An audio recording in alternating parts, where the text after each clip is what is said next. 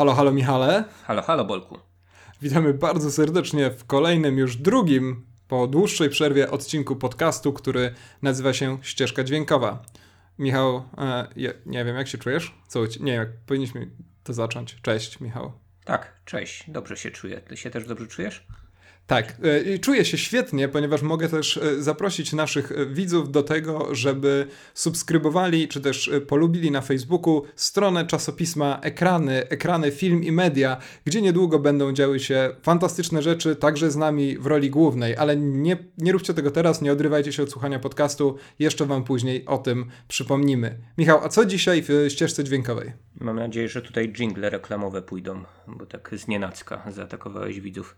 Dzisiaj happy end Hanekego, no i mam nadzieję, że e, happy end w rozmowie o innym filmie, o filmie Anihilacja Alexa Garlanda. Zobaczymy, byle do szczęśliwego końca. Zrobiłeś świetne wprowadzenie. Zaczynamy.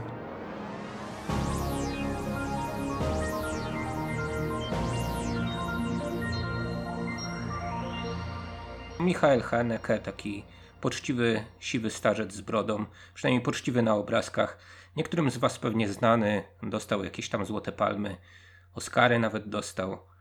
Generalnie szacowna postać współczesnego kina autorskiego. Kręci film pod tytułem Happy End. No i znając e, Hanekego, który kiedyś e, nakręcił taki film Funny Games, nawet nakręcił go dwa razy, raz w Austrii, raz e, w Ameryce, wiemy, że raczej to tak jak Funny Games to nie były jakieś zabawne gierki i nie była to specjalnie wesoła komedyjka, tak Happy End to raczej też nie będzie film ku pokrzepieniu serc, ale małe zaskoczenie, e, jakaś tam czarna komedia, czy też tragikomedia, nie wiem jak chciałbyś ten film określić, e, tutaj jednak jest po raz pierwszy u Hanekego chyba. Ja mam taki żarcik, ale opowiedziałem go dzisiaj jednej ze, na żywo, jednej ze słuchaczek naszego podcastu, więc teraz mi go głupio powtarzać, no ale trudno. E, nie śmiała się, tak? Śmiała się umiarkowanie. Myślę, że oceniła ten żart na 3 na 10. Nie powiedziała mi wprost, bo jest na to zbyt uprzejma.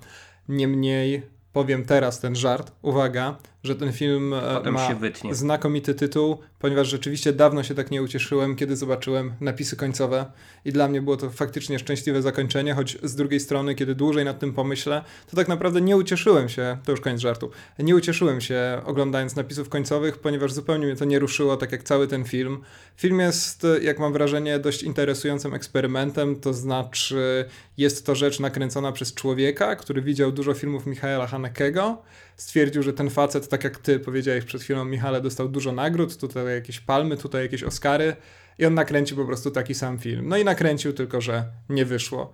Jest to film, który rzeczywiście skupia takie best of zagrywek Hanekego, ale jednocześnie nie ma w nim nic z tego, co u Hanekego rzeczywiście na mnie w każdym razie robiło wrażenie nie ma tam nic z tego podskórnego niepokoju, nie ma tam nic z tej takiej nieswojskości, nie, nie, nieswojości. Chodzi mi, usiłuje stworzyć rzeczownik od czucia się nieswojo, e, które tak znakomicie jednak i pięknie kojarzyły mi się z poprzednimi filmami Hanekego. No to jest jakiś taki dość e, żenujący erzac, jakaś taka koszmarna podróbka i jestem wielce zdziwiony, że rzeczywiście Michał Haneke to podpisał. Może mógł pseudonim recenzję, tak? Skoro już tak czy mnie ten film w ogóle absolutnie w żadnym momencie nie poruszył. Nie mogę powiedzieć nawet, że się nudziłem, bo po pierwsze nuda to jest pewne uczucie, które Haneke jednak wzbudza i potrafi je bardzo efektownie rozegrać.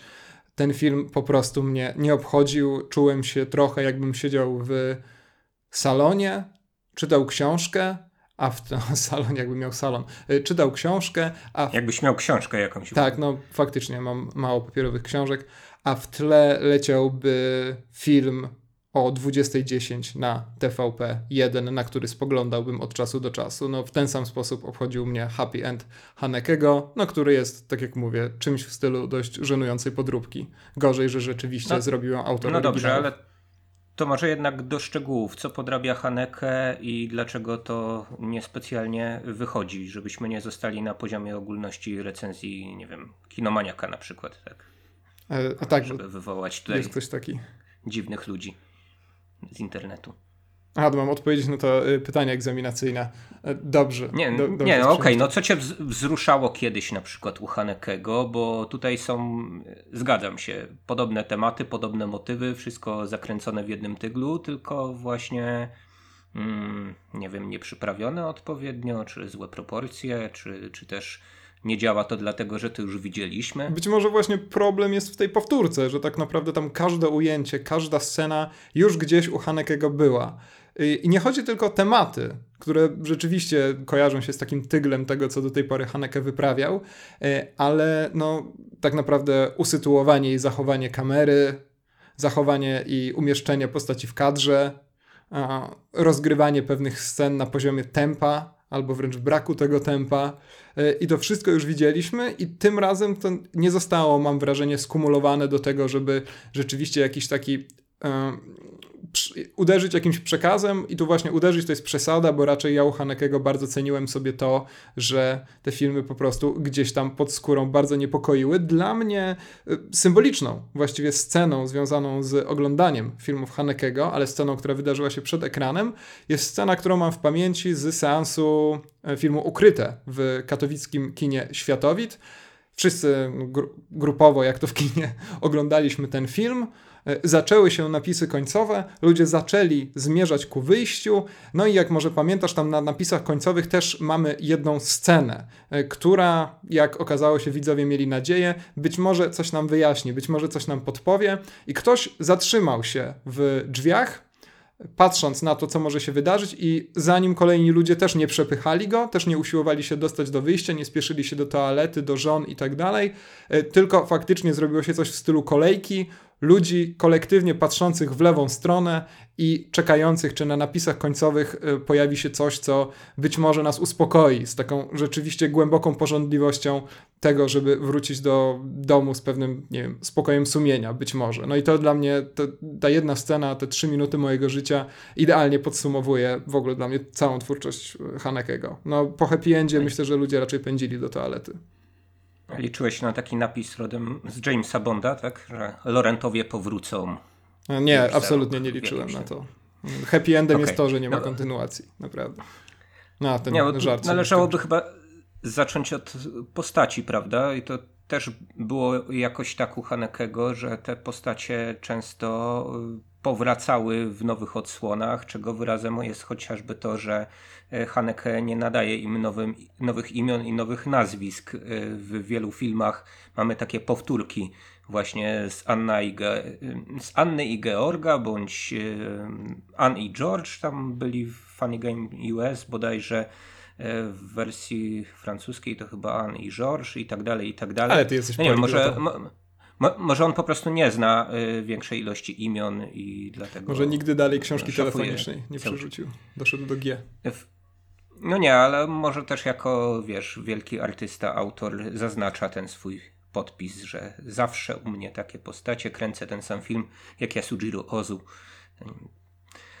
nowe iteracje tego, tego samego, y, tylko że y, tutaj y, właśnie mamy nie tyle do czynienia z jakimś takim przetworzeniem pewnych motywów i pewnych postaci, które się wcześniej pojawiły, co raczej ze skumulowaniem tych wszystkich postaci na ekranie. I może tu jest problem, że mamy jedną wielką rodzinę Lorentów, wielopokoleniową, i w zasadzie każda z tych postaci trochę przypomina e, postać, która się wcześniej pojawiła u Hanekego, do tego stopnia, że Jean-Louis Trintignant gra wręcz postać e, jakby wyjętą z, z, z miłości e, jednego z wcześniejszych fi filmów Hanekego, czyli po części jakbyśmy mieli tutaj sequel, no a, ale poza tym mamy taką e, sadomasochistyczną wiolonczelistkę, która, no jak to, wiolonczelistka od razu ewokuje w pamięci pianistkę, która się wcześniej pojawiła u Hanekego.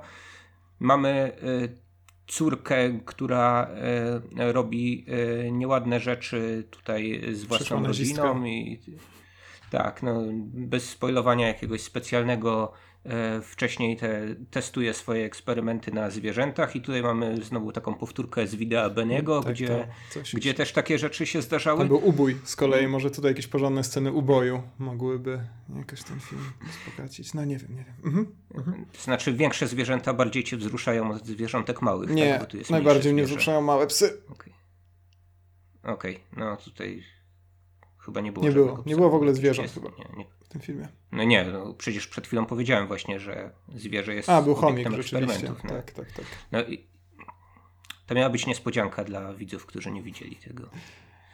Ech. No, może się spodziewali kotka. No i co teraz? No nie dostaniecie kotka, no chomik jest na ekranie. nie dostaniesz kotka. Rodzice mi to mówią od no, 20 lat.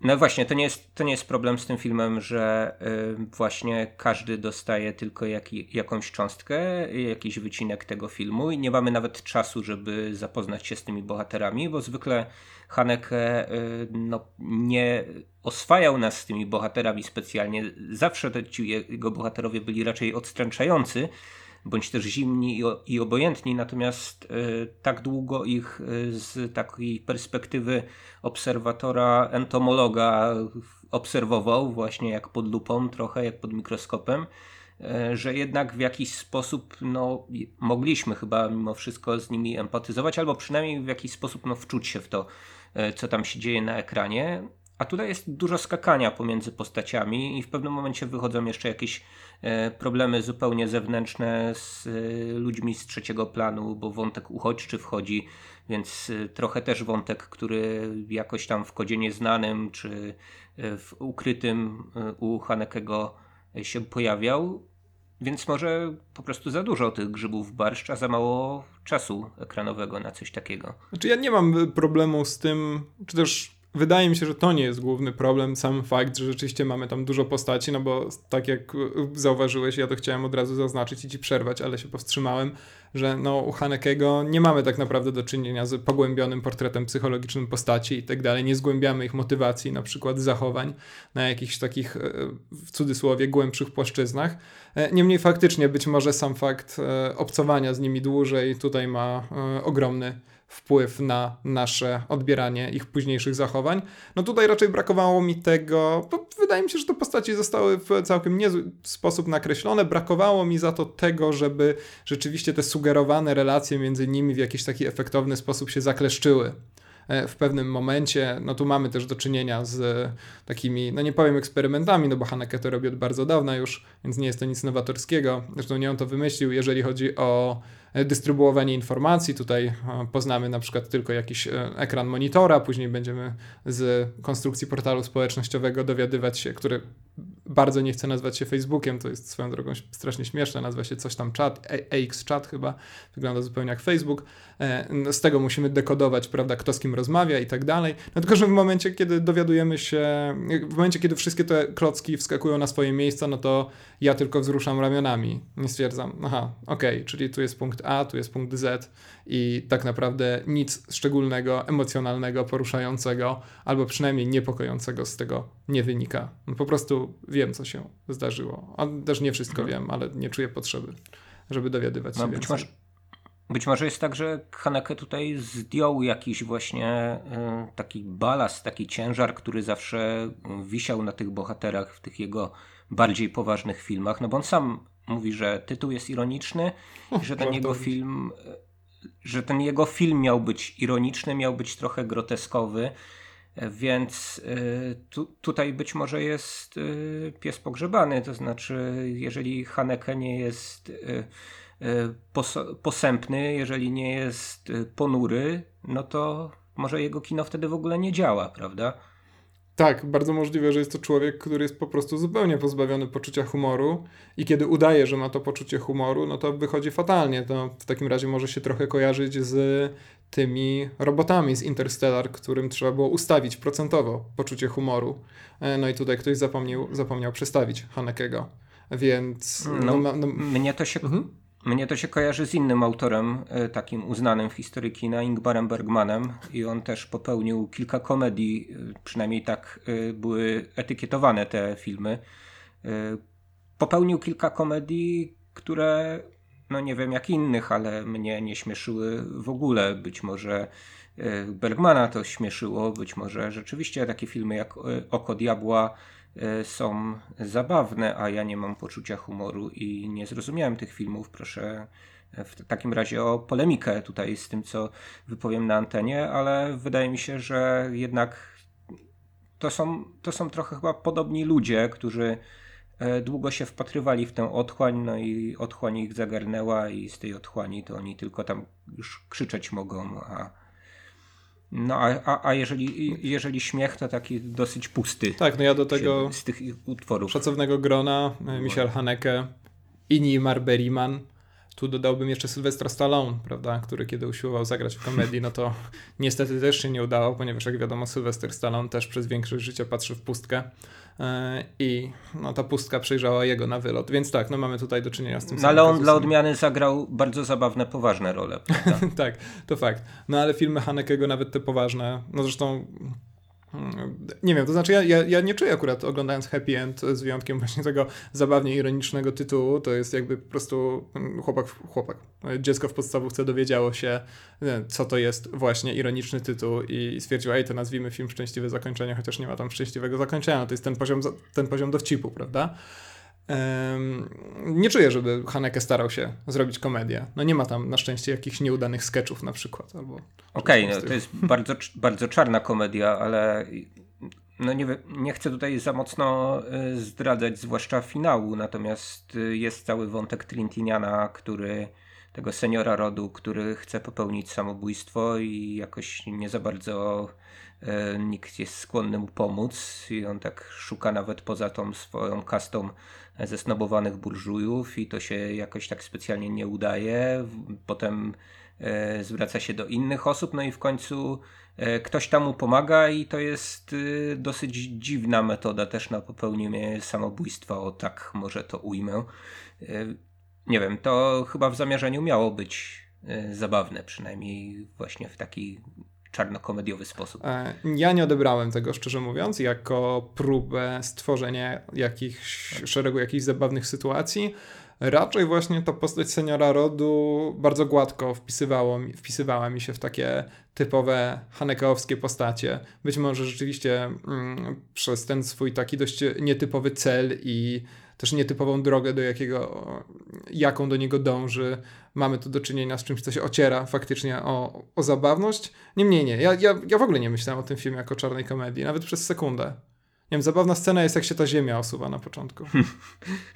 Okej. Okay. W końcu coś się dzieje, tak? Po, Ale to też jest tak ujęciu. typowo hanekowska scena. Nic się nie dzieje, Jasne. nic się nie dzieje. Mamy kamerę e, praktycznie no, nie, nie tyle przemysłową, co na pewno jakąś e, obecną w diegezie filmu.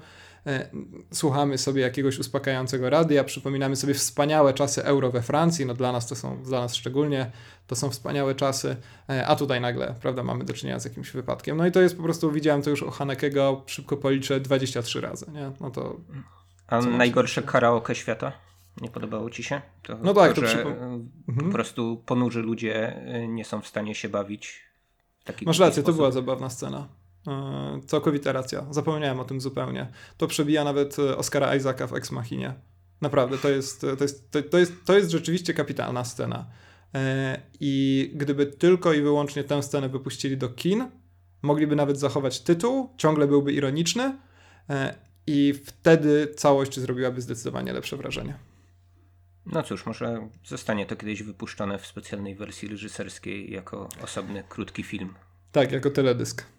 Tak, a tutaj y, jak już tak sięgamy po y, innych y, autorów kina przez wielkie A, to ja chciałbym skontrować przypadek Hanekego przypadkiem Bruna Nadimonta, który w pewnym momencie w swojej karierze oszalał, to znaczy ja to tak interpretuję, i zaczął kręcić komedię i nagle okazuje się, że człowiek, który był posępnym autorem kina slow cinema, też współczesnym neomodernistą, e, oczywiście z kącikami ust spuszczonymi w dół, no zaczyna kręcić coś zupełnie nowego i co jeszcze ciekawsze, zabawnego. Może poza filmem Martwe Wody, który dla mnie był E, trochę przestrzeloną próbą e, takiej, takiej groteski, e, no właśnie okraszonej bardzo czarnym humorem, bo tam byli kanibale, no i tak dalej, i tak dalej.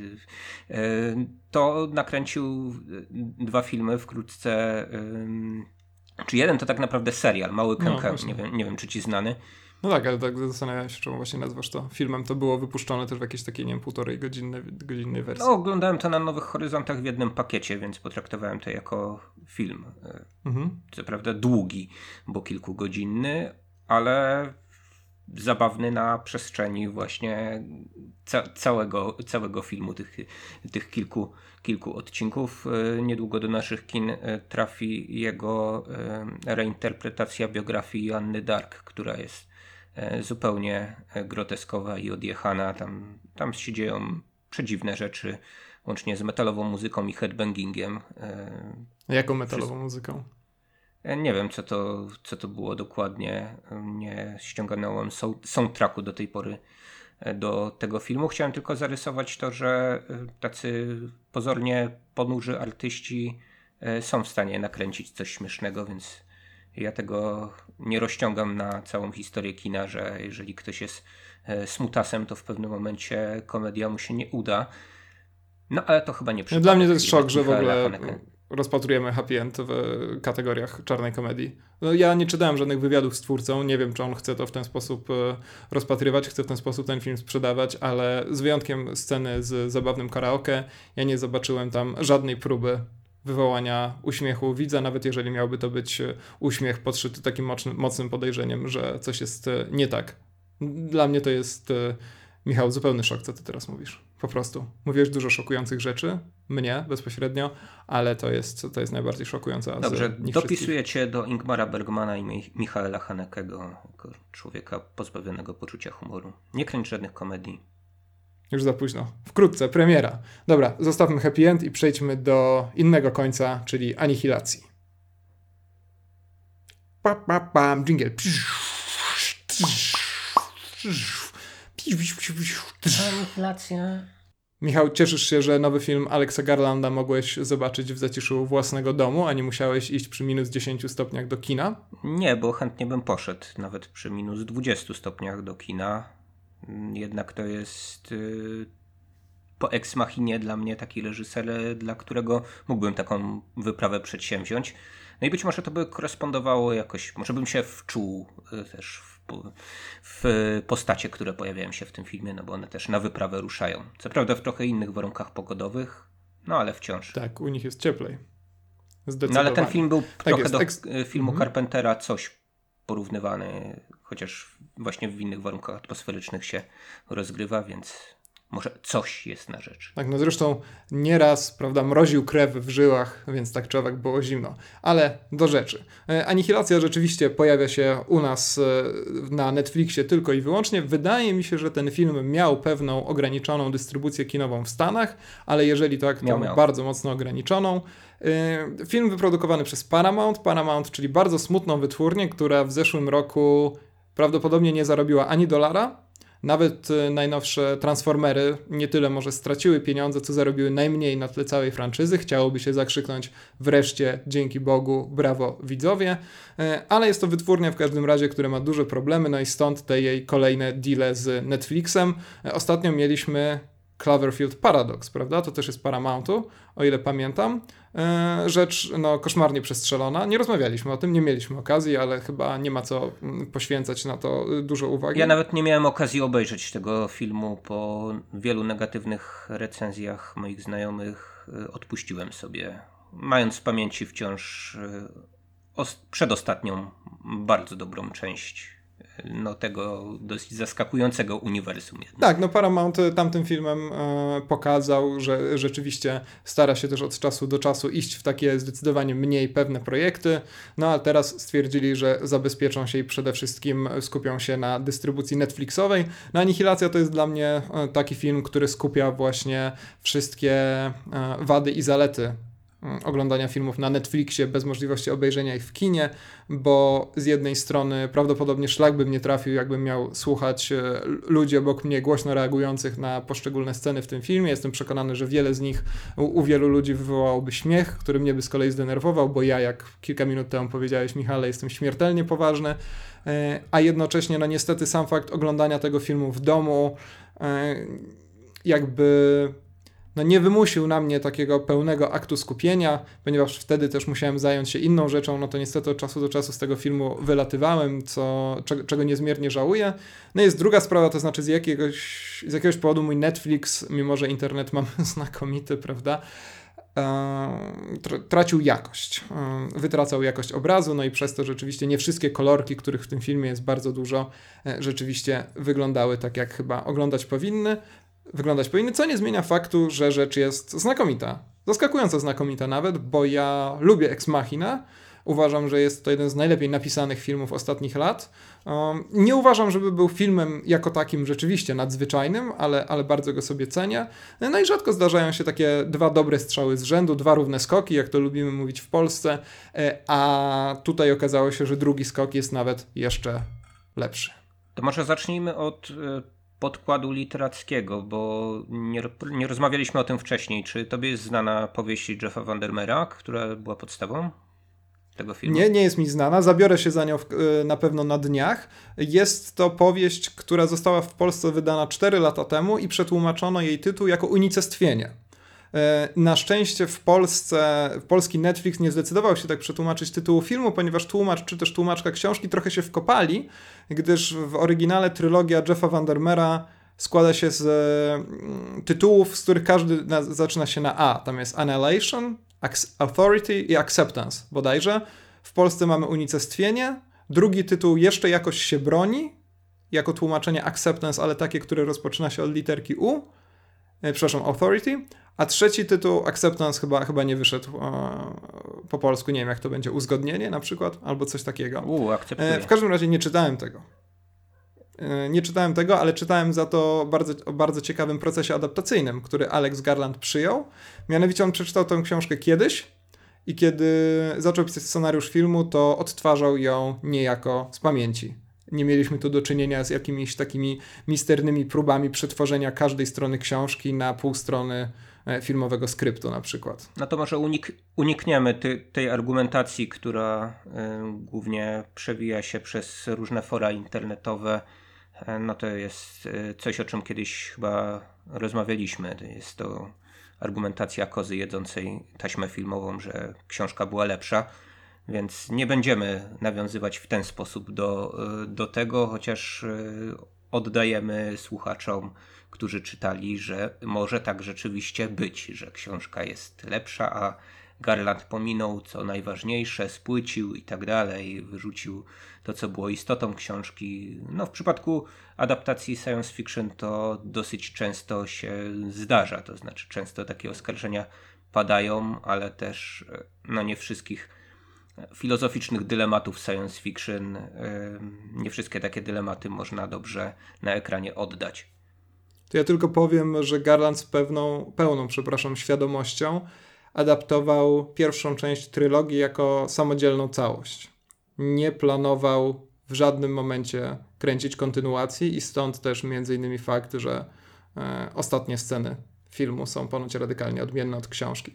Ale jeżeli chodzi o podobne klimaty około literackie, to ja szczerze polecam komiks e, Miesiąc Miodowy na Safari. Jeżeli podobała Wam się Anihilacja, a także lubicie na przykład Porę na przygodę, to ten komiks będzie znakomitą kontynuacją. E, koniec e, tej dygresji. No dobrze, to ja tutaj zapytam przewrotnie i zarazem uprzedzę Twoje pytanie, żebyś mi go nie zadał. O czym to jest? No to jest o babce, która i kilku babkach właściwie, które chodzą po takim lesie i później dochodzą do plaży, a później niektóre dochodzą do latarni morskiej, a później jest densowy teledysk z lat 90. Eiffel 65.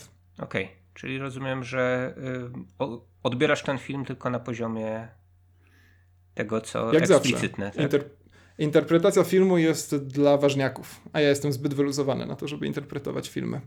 Szczerze mówiąc, to, to co mi się w tym filmie podobało, aczkolwiek e, zdaję sobie sprawę, jak łatwo można odebrać to e, jako wadę, to to, że nie mamy tutaj narzuconej jakiejś myśli przewodniej, która rzeczywiście od początku do końca dzielnie i konsekwentnie jest prowadzona po to, żeby w końcówce eksplodować we wszystkich kolorach tęczy.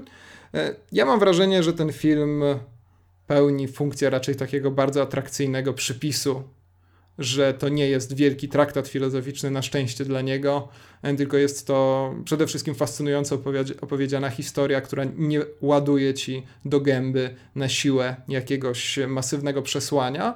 To jest też e, główna przewaga tego filmu nad filmem, do którego będzie porównywany jeszcze przez kilka miesięcy, czyli nad e, Nowym Początkiem Villeneuve'a który jest filmem, który się właśnie wyłożył na tym, że z takiej osobistej, intymnej historii e, nagle był historią o ratowaniu całej ludzkości. Co prawda ten wątek w Anihilacji również mamy, ponieważ na początku dowiadujemy się, że ten shimmer, w którym pogrąża się Natalie Portman wraz z grupą koleżanek, prawdopodobnie zagraża całej ludzkości, ale jest to temat, do którego już później, o ile mi wiadomo, nie wracamy i jest on rozegrany w taki e, bardzo sprawny sposób. To ja do tego porównania, które tutaj przed chwilą padło, dorzuciłbym jeszcze jeden twój ulubiony film, czyli Interstellar.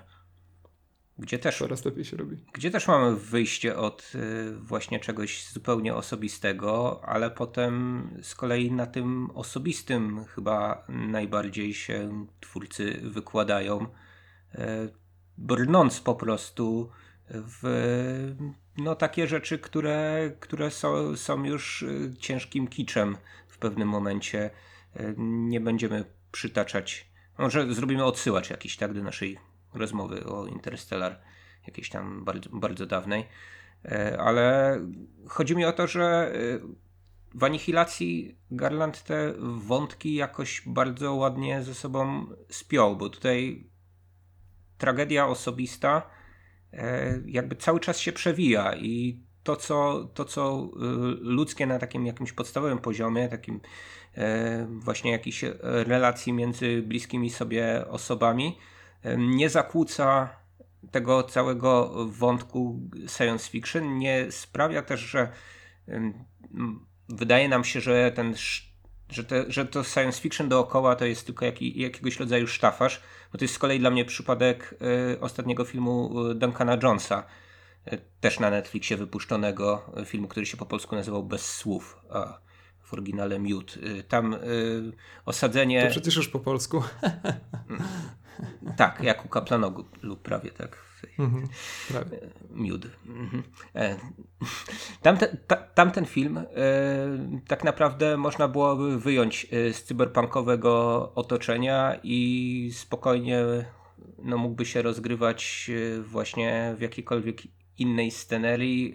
Wydaje się, że to, to takie ten cyberpunkowy świat no, tylko miał w jakiś sposób zamazywać to, ten banał E, filmu i kliszowość. E, natomiast tutaj mamy właśnie takie dziwne, dziwne sprzęgnięcie, e, no nie wiem czy dziwne, no, w każdym razie bardzo, bardzo udane połączenie z jednej strony trochę jednak zimnego filmu, trochę jednak ten film mi się kojarzył z takimi kubrikowskimi dziełami, z drugiej strony właśnie był trochę jak, jak nowy początek miejscami. No, ta dronowa muzyka e, dudniąca w finale zwłaszcza i no, jakiś taki przedziwny, surrealistyczny balet, który tam się e, rozgrywa, to, no, to, były, to były takie rzeczy, które jakoś, jakoś zupełnie mnie z jednej strony wciągały, z drugiej strony wytrącały z, ze śledzenia tego, co, co, co, co wcześniej tam w fabule nastąpiło. No ale ten wątek, y, wątek relacji między postaciami tutaj jest y, bardzo istotny. Istotny też fabularnie. Nie jest jakiś zupełnie osobny. No i, i koniec końców on też wybrzmiewa. Wydaje mi się, że nawet wzrusza. Nie wiem, czy ty byłeś wzruszony tym, tym filmem, czy ty, tylko podzi- Nie, podziwiałeś to jest krajobrazy. Problem zresztą. To jest zresztą mój problem z Anihilacją, że to jest film, który w żadnym momencie mnie nie wzruszył, mimo że widziałem, że się stara. Nierozpaczliwie, nie tak, żebym poklepał go po głowie i po prostu z uprzejmości się wzruszył, ale to jest fakt, że nie było tam ani jednego momentu, kiedy rzeczywiście coś by nagle we mnie pękło. A ja bardzo lubię, kiedy coś we mnie pęka, pod warunkiem, że nie są to żebra. E, więc to jest e, taki mój pewien zarzut do Anihilacji, oczywiście. No to może chociaż przestraszył. zarzut ekstremalnie subiektywny. Nie, no raczej no były tam kilka rzeczywiście takich e, niepokojących epizodów, które pewnie sprawiły właśnie, że ten film porównywany jest do coś Carpentera. Ale w żadnym przypadku, w żadnym momencie na pewno e, nie byłem faktycznie przerażony, nie pojawił się tam żaden toster. E, niemniej końcówka jest rzeczywiście piekielnie wciągająca, co jest zaskakujące, ponieważ ona nie powinna być wciągająca, ona powinna być komiczna, ona powinna być śmieszna. Nie spoilując w żaden, niemal w żaden sposób, możemy chyba powiedzieć, że mamy do czynienia z okropnie tandetnymi animacjami komputerowymi połączonymi rzeczywiście z czymś, co tobie się kojarzy z surrealistycznym tańcem, a mnie się kojarzy z densowym teledyskiem z lat 90., o czym już wspomniałem. E, ale to fantastycznie działa, naprawdę, z jakichś powodów, które nie jestem w stanie, których nie jestem w stanie wyjaśnić. Być może to jest ta tak zwana magia kina, o której tyle się dzisiaj słyszy. To jednak fascynuje i absolutnie nie odrzuca. Mm, scena, w której Natalie Portman patrzy w taką dziwaczną kulę światła, czy cokolwiek to jest, które wygląda okropnie, po prostu wygląda jakby to dziecko, które dopadło się do programu graficznego zrobiło. Nie, tutaj pełna zgoda. Generalnie większość efektów specjalnych jest y, straszna w tym filmie. Ja nie wiem, czy to wynikało z tego, że wytwórnia Paramount obcięła budżet w pewnym momencie i powiedziała właśnie, że że no, tego nie zrobimy, a Garland się uparł i mimo wszystko właśnie jakoś tam w pęcie próbował dorobić co nieco. Tak to, tak to, tak to wygląda. Jakby albo jeszcze kredkami malował po prostu, no to wtedy by może efekt był piękniejszy. E, niemniej mnie to zupełnie nie przeszkadza i to jest dla mnie zupełnie szokujące. E, być może tutaj jeszcze bardzo dużą robotę robi ta kapitalna muzyka pod koniec, która jest e, mocno skontrastowana z tym, co słyszymy wcześniej, co mi się zresztą bardzo podoba. Mamy tam do czynienia z dużą ilością takiego około folkowego, akustycznego grania. E, bardzo, bardzo, bardzo fajnie to gra. No film tak jak Ex Machina była naprawdę znakomicie napisana, jeżeli chodzi o pewną dystrybucję informacji i tak dalej, to tutaj mam trochę zarzutów do tego filmu. Przede wszystkim jest tam takie mocne przepalenie ekspozycji. To znaczy, cały czas nam powtarzają pewne informacje, cały czas nam tłumaczą pewne rzeczy. Natalie Portman musi nam powiedzieć, co widzi i tak dalej, więc jest to, jest to odrobinę męczące. E, niemniej, e, no nie wytrąca to z filmu w żaden sposób. Raczej pogrążamy się w tych kolejnych fascynacjach. Także, no, kapitalna, kapitalna rzecz. Naprawdę byłem bardzo pozytywnie zaskoczony. Okej. Okay. Nie pobawisz się jednak w jakiekolwiek interpretacje tytułu chociażby? To znaczy, wiadomo, że znowu można czytać to dosłownie, bo unicestwieniu, tak, jakiejś degradacji tam ulega wiele rzeczy, no, wiele organizmów żywych przede wszystkim, które potem zostają jakoś przetworzone, zmutowane, przeobrażają się w coś innego. Ale dlaczego anihilacja, jak ci się wydaje? Znaczy mnie się wydaje, że pójście właśnie w próbę interpretacji tego tak naprawdę troszkę może obniżyć ocenę tego filmu w moich e, oczach, w moim mózgu, ponieważ no, mamy tam do czynienia jednak z takim bardzo bezpośrednim tłumaczeniem e, pewnych sytuacji, pewnych wątków. e, i w tym momencie rzeczywiście ten film siada. No ta mm, ostatnia scena, w której Jennifer Jason Lee wyrzuca z siebie kilka słów, po czym dzieje się coś, no tak naprawdę ten jej taki króciutki monolog jest dość e, żenujący w gruncie rzeczy, właśnie jeżeli chodzi o e, wyłuszczanie pewnych tematów, które, które, które podróżują przez ten film. Więc być może ja teraz trochę przeczę temu, co powiedziałem na początku, że podoba mi się w tym filmie to, że nie ma tam jakichś wyraźnych tematów, a teraz e, być może identyfikuje u, u, siebie jakiś mechanizm obronny przed tym właśnie, żeby nie iść tymi, tym, tym, tym, takim powtarzaniem właśnie tego, że tutaj my się niszczymy, tutaj ci się niszczą, ale tutaj mamy podział, tutaj mamy odrodzenie i tak dalej. Być może ja zafascynowany wizualną i narracyjną warstwą tego filmu po prostu starałem się unikać tych właśnie e, mm, dialogów, czasem monologów, które tłumaczą nam, e, czym ta anihilacja miałaby być. No dobrze, to ja w takim razie też się chyba nie będę wygłupiał tutaj z jakimiś przedziwnymi interpretacjami. Powiem tylko, że rozpisałem sobie ten film e, w formie takiego kina familijnego i zastanawiałem się cały czas, czy można byłoby zrobić jeden do jednego e, komedię familijną z taką fabułą. Doszedłem do wniosku, że chyba chyba, chyba mo można byłoby, byłaby dosyć ciekawa. Mamy tutaj związek dwojga ludzi, który się e, rozpada ze względu na, na jakieś tam oddalenie ich od siebie. No i potem e, dziewczyna wraz e, z koleżankami wyrusza się zabawić.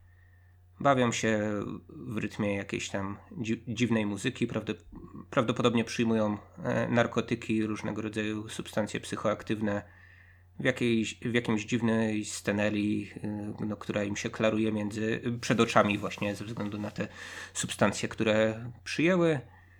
Bawią, bawią się w latarni morskiej. No a potem e, następuje e, katastrofa, to znaczy e, kac gigant, trzeba się wybudzić, tak, z tego, z, z tego zabawowego szału do domu wraca współpartner, coś dziwnego mu się kłębi w brzuchu, oho, trzeba się zejść razem, nowa droga życia. A ty też już tak jakby nie jesteś sobą. No być może można by było rzeczywiście w ten sposób e, to ująć. E, swoją drogą byłem zaskoczony castingiem, ponieważ ja wiedziałem tylko i wyłącznie o Natalie Portman i o Jennifer Jason Lee. Nie wiedziałem na przykład, że gra tam Oscar Isaac, e, którego szczerze ubóstwiam. Uważam, że jest wybitnym aktorem i zawsze uwielbiam oglądać go na ekranie. Tutaj też patrzyłem na niego z dziką przyjemnością. Zwłaszcza, że miał powiedzmy dwie role radykalnie od siebie odmienne. Tessa Thompson w takiej roli, z którą byśmy jeszcze niedawno jej zupełnie nie skojarzyli. Szczerze mówiąc, dość długo jej nie rozpoznawałem przez okularki i te e, rozpuszczone włosy. Wiedziałem tylko, że ją z czegoś kojarzę. E, Gina Rodriguez, która przecież ma na Netflixie własny serial e, i to zupełnie nie w klimacie anihilacji. Jest to Jane the Virgin, czyli taka swego rodzaju parodia telenoweli. Mm, jak ci się Natalie Portman podobała w tym filmie? Bo my zwykle się o niej negatywnie wyrażamy. No tak, może z wyjątkiem Jackie mm, Pablo tak, Larraina. To był jedyny tam, przypadek. Tam uważałem, że rzeczywiście Natalie Portman stanęła na wysokości zadania i to był jej taki szturm oscarowy, pewnie najlepsza rola w, w karierze. Mm, nie, nie uważam, że rola w Czarnym Łabędziu e, doceniona różnymi pozłacanymi cielcami była godna właśnie tych cielców. Uważam, że właśnie za Jackie Laraina, e, jeżeli za jakikolwiek film Portman zasłużyła na nagrody. Tutaj nie denerwowała, więc e, wydaje mi się, że wyższe stany średnie aktorstwa Portman, która jest podobno bardzo inteligentną kobietą i być może jest za inteligentna na aktorstwo. Przepraszam wszystkie aktorki, ale. Tak, rozmawialiśmy już o tym zresztą także w tych kategoriach. E, w tym filmie, być może po Jackie, po prostu jestem bardziej wyczulony na jej manierę aktorską. Przy okazji rozmowy o Jackie, przy okazji naszego odcinka Oscarowego, jeszcze poprzedniego, mówiliśmy, że po prostu Larain dokonał wybitnego castingu, ponieważ po prostu przekuł wady aktorskie Natalie Portman w zalety. No, w tym filmie bardzo wyraźnie było widać pewnej maniery, które trochę drażnią, na przykład takie, tak, że jej się tak głos zapada. Na przykład jak mówi nie, i właściwie oczywiście, no, to Port. Portman zawsze gra za bardzo, więc y, Aronowski też, y, jak to Aronowski, u którego wszyscy mają grać za bardzo i wszystko ma być na wysokich nutach, być może dobrze obsadził właśnie Natalie Portman, no ale ten film jednak Anihilacja wymagał pewnego ściszenia rejestrów. No chyba Portman tego nie potrafi, tak mi się wydaje. Za to rejestry ściszyła w dość zaskakujący sposób Jennifer Jason Lee, która jest absolutnie znakomita w tym filmie. Bardzo, bardzo mi się podoba no, zmęczona, bardzo mocno przygaszona. Dowiadujemy się zresztą, że nie bez, bez powodu. Pani psycholog, z której tylko rzeczywiście od czasu do czasu wychodzi taka Jennifer Jason Lee z rod, rodem z nienawistnej ósemki. Także no kapitalna, kapitalna zupełnie była w tym filmie. No, jest według mnie Jennifer taką Jason Lee to jest ozdobą. w ogóle znakomita aktorka. Na szczęście wróciła do kina. Tarantino ją przywrócił do żywych, tak jak przywracał innych aktorów wcześniej. No i bardzo dobrze, no mam nadzieję, że będzie jej więcej na ekranie. Okej, okay, bo o ile na poziomie ikonografii Pytaj. wydaje mi się, że Ex Machina może za dużo nie wnosiła, chociaż y, warte odnotowania jest to, że w końcu mieliśmy mm, jako stwórcę y, androidów y, nie jakiegoś zakompleksionego nerda, tylko bubka z kasą, co być może bardziej odpowiada rzeczywistości i tym władcom marionetek, którzy dzisiaj kręcą duże pieniądze na portalach społecznościowych, e, no czyli też zamieniają nas w androidy jakoś tam e, powoli. A jeśli chodzi o anihilację, to tutaj punktem wyjścia też mamy coś, co parokrotnie na ekranach się pojawiało i to jakoś tam w miarę niedawno, czyli taka przysłowiowa strefa X zamknięta, w której dzieją się jakieś dziwne rzeczy, ale wydaje mi się, że mało na ekranie wciąż mamy czegoś, co nie wiem, można chyba nazwać biopunkiem, tak? Czy chodzi mi o te wszystkie wszystkie takie organiczne e, kwestie e, science fiction, to znaczy e, kwestie tego, że coś może mutować, może się przeobrażać za pomocą jakichś zmian w DNA.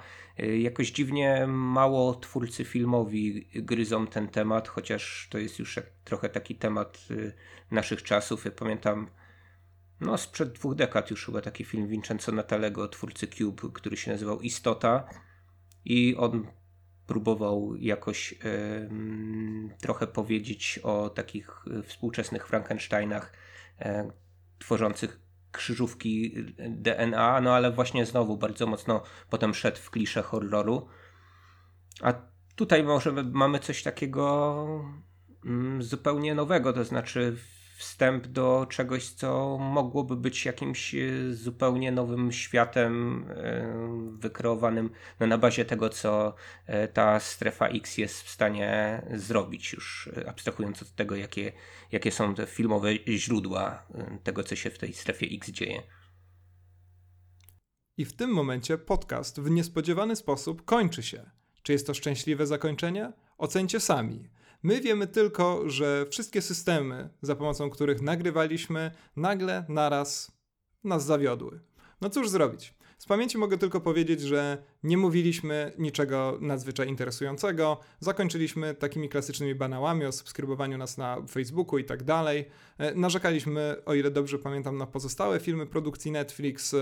Ja zwierzałem się ze swoich najgłębszych sekretów. E, Michał też powiedział kilka rzeczy, których najprawdopodobniej nigdy już nie powtórzy. No, być może dobrze, że te ostatnie 10 minut jednak zniknęło. E, bardzo Wam dziękujemy za uwagę i do usłyszenia, czy też, jak mówi mój wierny podcastowy partner, jak on mówi? Sa... Sanora... Sanorara żółwie?